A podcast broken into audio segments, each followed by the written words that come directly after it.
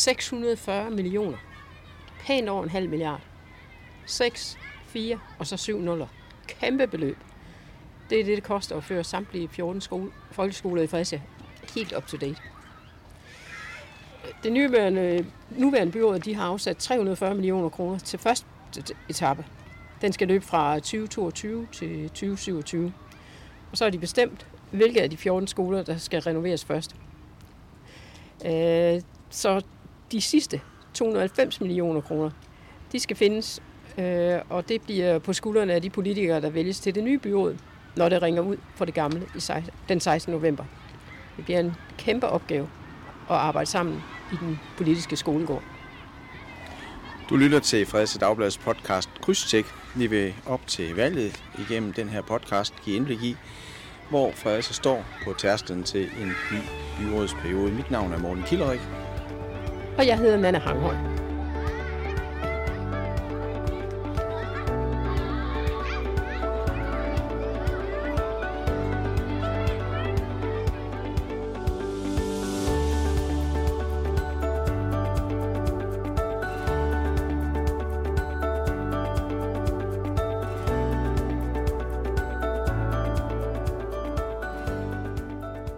Folkeskolen skal være forældrenes foretrukne valg i Fredericia. Det er alle partiernes øh, ambition i byrådet. Men der er alligevel allerede, der er mange, der vælger folkeskolen fra.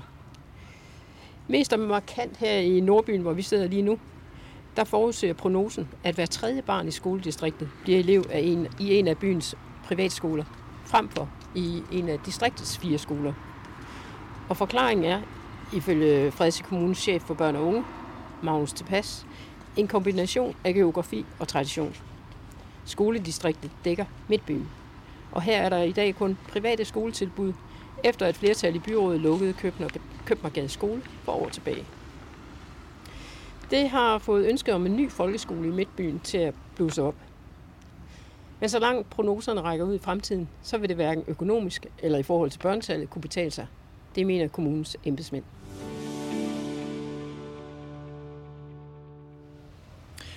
Men hvad tænker de om situationen i Nordbyen, hvor vi altså er her? Hvor kan Kirstinebjerg distriktets fire folkeskoler på Havepladsvej, Høgevej, Indre Ringvej og så ude i Bøgeskov er op mod udfordringen for de populære private skoler inde i byen, St. Knuds, Fredericia Realskole og Fredericia Friskole. Og som sagt, så har vi søgt ud mod Havepladsvejskolen her, som før hed Trættevejens skole. En rigtig klassisk skole i Rødsten, opført i 50'erne med sådan ganske imposante bygninger. Det er sådan en rigtig velfærdsudbygningsskole. Men som sagt, hvad tænker de om situationen i Nordbyen og om søgningen til privatskoler? For os i skolebestyrelsen for distrikt Kirstine Bjergvej skolen må I vel se på afvandringen til, af elever fra folkeskole til privatskole, Brian Hansen, formand og forældre. Og det er vi også i gang med.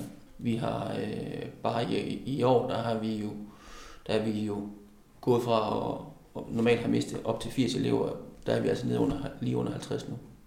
Så, øh, så har vi haft fokus på at, at gå i krig med den her udvikling, og få en ny distriktskoleleder, og, og det har, alle de her ting her har været med til, jamen, vi rammer bare mere tid nu.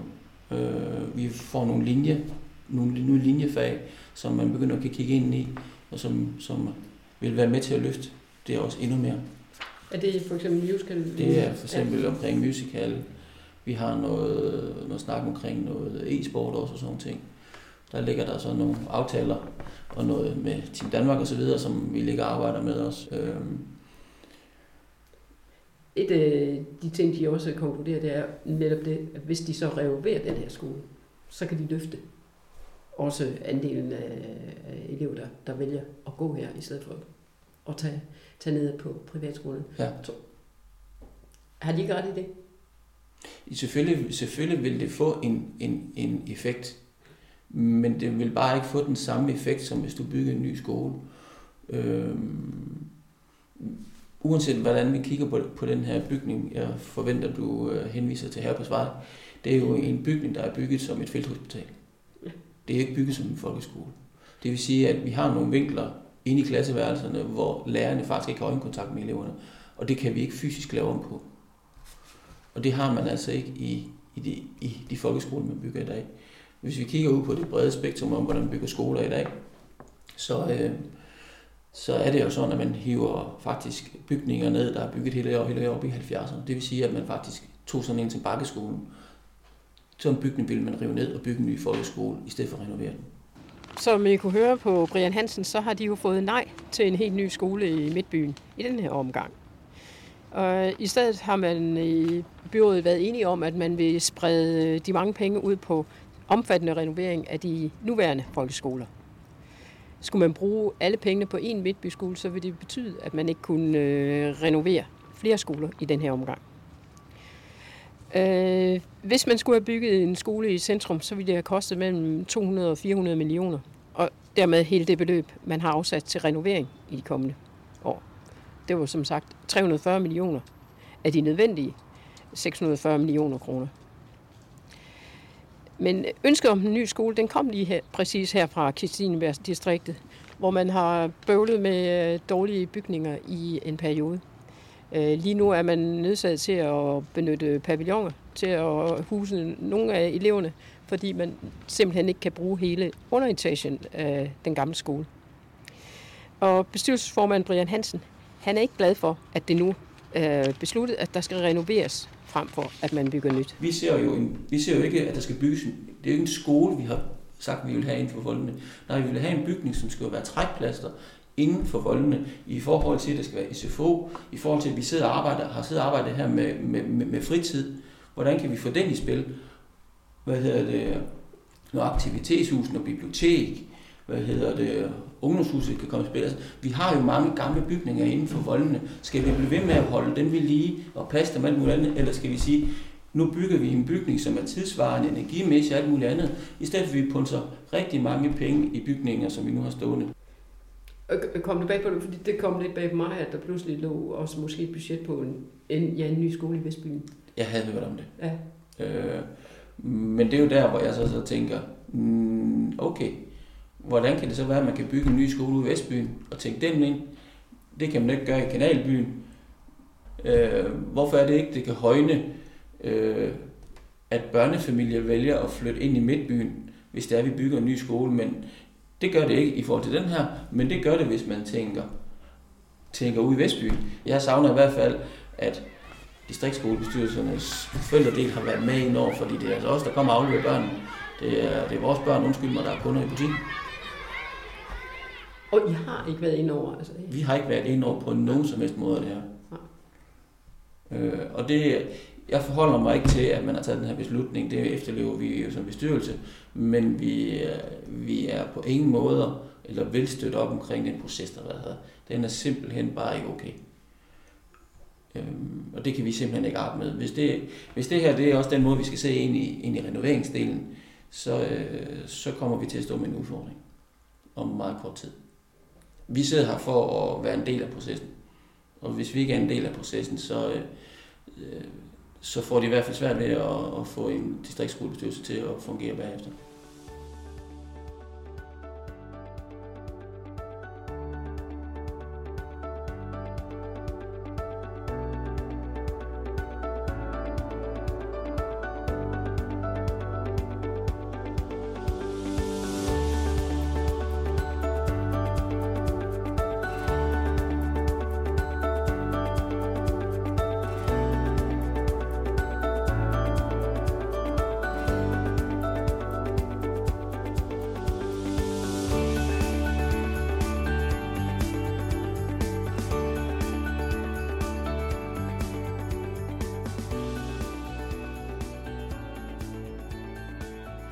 Så vidt Brian Hansen, bestyrelsesformand i Kirstinebjerg skoledistriktet her i Fredericia.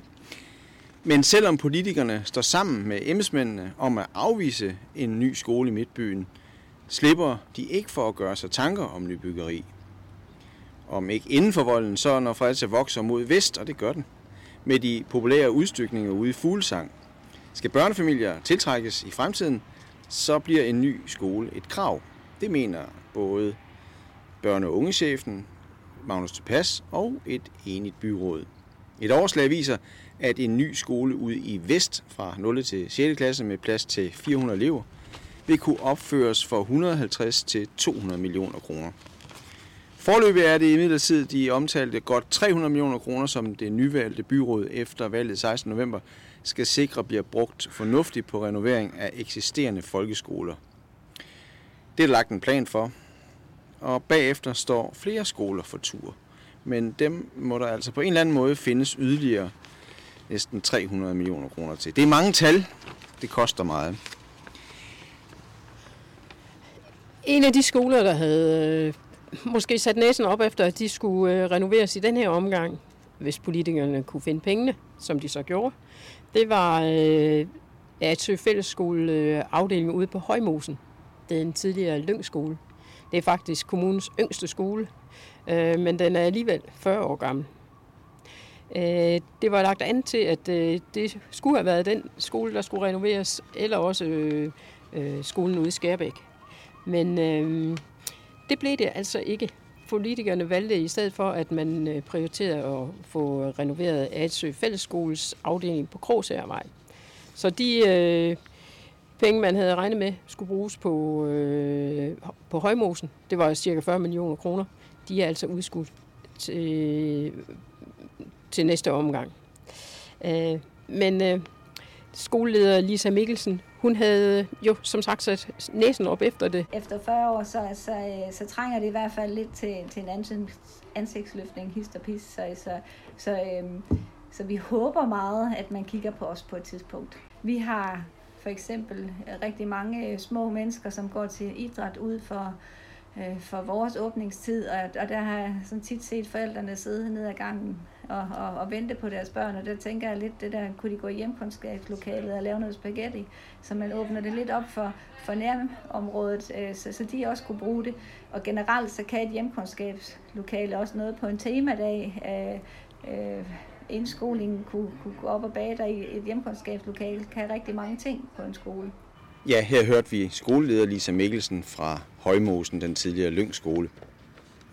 Oven i det store arbejde med renoveringer, der venter et nyt byråd, skal skolernes indhold også passes til de kommende år. Skal elever med særlige behov måske fordeles ud på flere skoler end i dag?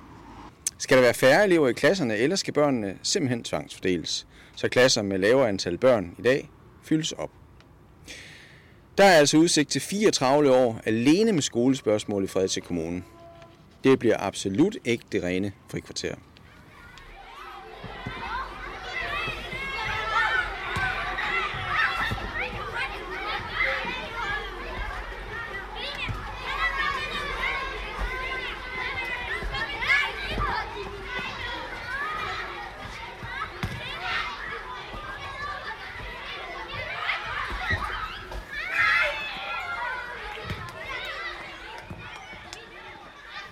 hvem der kommer til at finde de mange penge til folkeskolerne blandt andet. Det bliver jo afgjort den 16. november. Og nettet det er ved at blive strammet. Valgplakaterne er hængt op, og vælgemøderne er i fuld gang. Fredericia Dagblad har netop præsenteret en prognose for, hvordan øh, det kommer til at gå. Hvis den holder stik, så kommer Socialdemokratiet stadigvæk til at sidde for bordenden, men øh, partiet står til at miste sit absolute flertal. Øh, det viser i hvert fald den måling, vi har fået foretaget fra Jysk Analyse. S går tilbage, og et vil ende med 10 mandater. Vil det være en overraskelse, at partiet dermed mister tre pladser i byrådet i forhold til i dag, hvis prognosen holder stik? Det kan man ikke sige. Øh, forventningen var nok, at, øh, eller var, at øh, Socialdemokratiet ville gå tilbage. For det valg, man havde i 2017, det var helt unikt der øh, gik Jakob Bjergård ind i sin øh, anden periode, og det lykkedes ham at skrabe 10.000 personlige stemmer sammen. Det var helt vildt. Det svarer cirka til hver tredje stemme, der blev afgivet i hele Fredericia Kommune. Øh, og det betød også, at han trak Socialdemokrater ind i byrådet, selvom de kun fik øh, under 100 personlige stemmer. Det kan man øh, overhovedet ikke forestille sig kommer til at ske den her gang. Men, men vil øh, Socialdemokratiet stadigvæk kunne beholde borgmesterkæden, hvis Sten Vrist, Jakob Bjergårds afløser, stadigvæk kunne være borgmester efter valget? Det ser det i hvert fald ud til. Øh, der er jo 21 medlemmer af byrådet, så man skal til kunne tælle til 11 for at have et flertal. Øh, og kan man det, så kan man også bestemme, hvem der skal være borgmester. SF ser ud til at komme tilbage i byrådet. De har været væk i fire år. Øh, det ser ud til, at de kommer tilbage med et mandat. Enhedslisten ser også ud til at beholde deres mandat. Det er Cecilie Rød Schulz, der har siddet på det i fire år, og hun ser ud til at få genvalg. Det vil så sige, at samlet så vil de røde partier have 12 mandater og et flertal.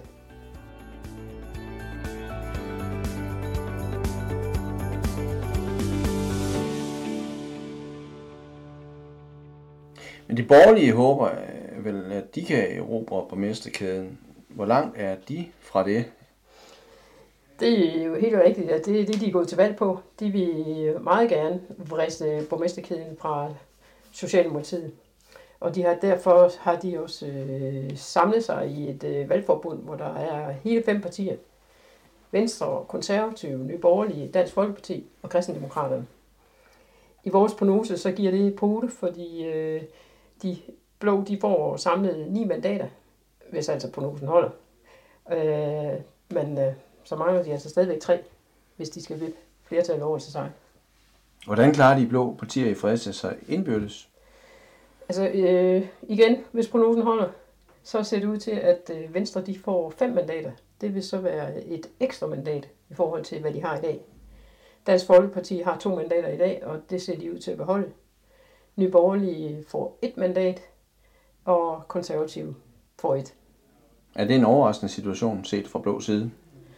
Altså, det er jo svært at vide, om man kan stole 100% på prognoser. Det kan man som regel ikke. Så der er jo meget, der kan ske. Der er også rigtig mange vælgere, der kan vi se i prognosen, som er i tvivl om, hvor de skal sætte deres kryds. Øh, når Venstre får et ekstra mandat, så skyldes det simpelthen det her tekniske samarbejde mellem partierne. Fordi når man samarbejder på den måde, så spilder man ikke nogen øh, stemmer. Sådan alle løse stemmer, de ender på et parti. Øh, og det ser ud som om, at det er Venstre, der får de øh, stemmer, som ellers ville være gået tabt. Altså, det er nok mest på den øh, blå fløj, at øh, der er lidt øh, røre. Det ser i hvert fald ud til, at der pludselig er ekstra øh, kandidater, som gerne vil være borgmester. Øh, vi spurgte her på Fredericia Dagblad øh, partierne for nogle uger siden, og der var det Venstre og Dansk Folkeparti, og så øh, den nye liste Borgerlige Fællesskab, som meldte ud, at øh, deres spidskandidater også var borgmesterkandidater. Øh, men øh, nu øh, tegner til, at den konservative Tommy Ratcliffe Nielsen, han også øh, gerne vil være borgmester. Øh, på det tidspunkt sagde han, at han ville lade vælgerne vælge og så stemme først, og så kunne man se på valgnatten. Men nu ser det ud til, at han går sådan målrettet efter borgmestertitlen. Og øh, Liberale Alliance er siden kommet til, og de, øh, deres spidskandidat vil også gerne være borgmester. Så ja. Men er det ikke normalt, at man er enige om, hvem man peger på i et øh, valgforbund, som ligesom de blå partier i Fredericia nu har indgået? Altså en. Det kunne det være, men det, altså, det er ikke et krav. Øh, det er ren teknik, at man går sammen. Men det, det giver selvfølgelig et øh, bruget billede, at øh, der er så mange kandidater over i den blok. Øh, men øh, hvis man nu stadigvæk er i tvivl, og det er der jo åbenbart mange, der er, hvor man skal sætte sit kryds, så er der masser af muligheder for at blive klogere her i de kommende uger.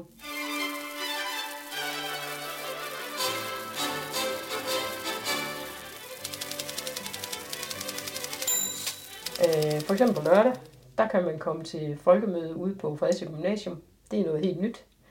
Øh, og der er der lagt op til fire timer på, hvad det lokale demokrati egentlig betyder. Der er spændende oplæg med museumsleder øh, Christian Carsten Mærel øh, fra Museerne i Fredericia. Han har kigget tilbage i Fredericias politiske historie. Så får vi besøg af kommunalforsker Roar Buk, øh, og han øh, giver sit bud sådan, på kommunalpolitik i almindelighed, og så ja, har han fulgt med meget tæt i, hvordan det er gået her i Fredericia de seneste år, så det kommer han sikkert også med et bud på. Og så er der arrangeret en stribe spændende workshopper på en halv times vejhed på det her folkemøde, som man kan shoppe imellem. Det er første gang, vi prøver det i Fredericia, så vi håber, der kommer rigtig mange. Altså 10-14 på lørdag på gymnasiet på Nørrebrogade Fredericia Dagblad for Dragsforeningen Rubicon, Museerne Fredericia og Fredericia Gymnasium arrangerer møde op, for det, det gør partierne, gør de ikke? Jo, de er alle sammen inviteret til at stille op med deres valgmaterialer, røde roser og karameller og hvad de ellers har. Men de kommer ikke på talerstolen den her dag.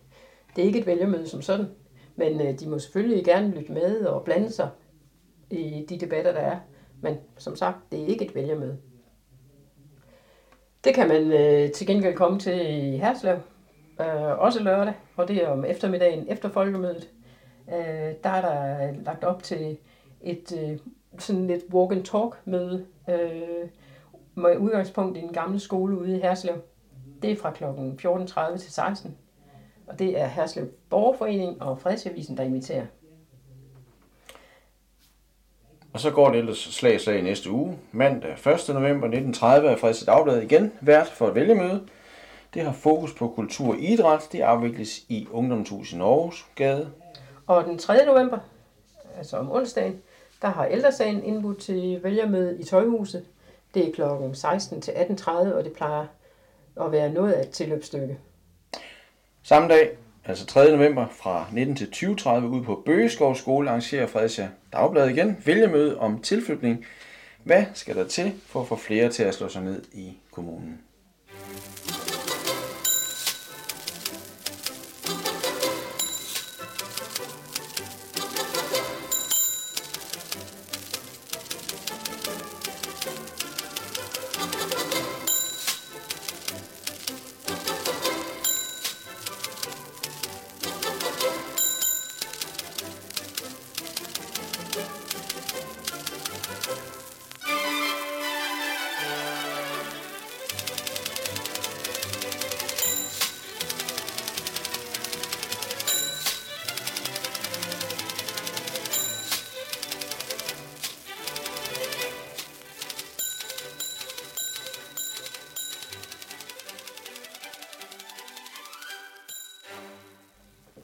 Og Demokratiudvalget har øh, også øh, besluttet, at øh, man allerede nu faktisk kan komme ud og stemme, og det kan man gøre rigtig tæt på sig selv.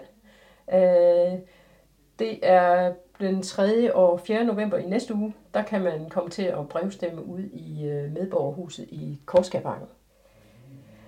Du har lyttet til Fredericia Dagblads podcast Krydstjek. Den er tilrettelagt og produceret af Nana Hanghøj og Morten Kilderik. Vi kan kontaktes på fd frdb.dk eller gennem den spørgeboks, der er i bunden af vores artikler om valgkampen. Den hedder Hvad er vigtigt for dig i valgkampen? På genhør.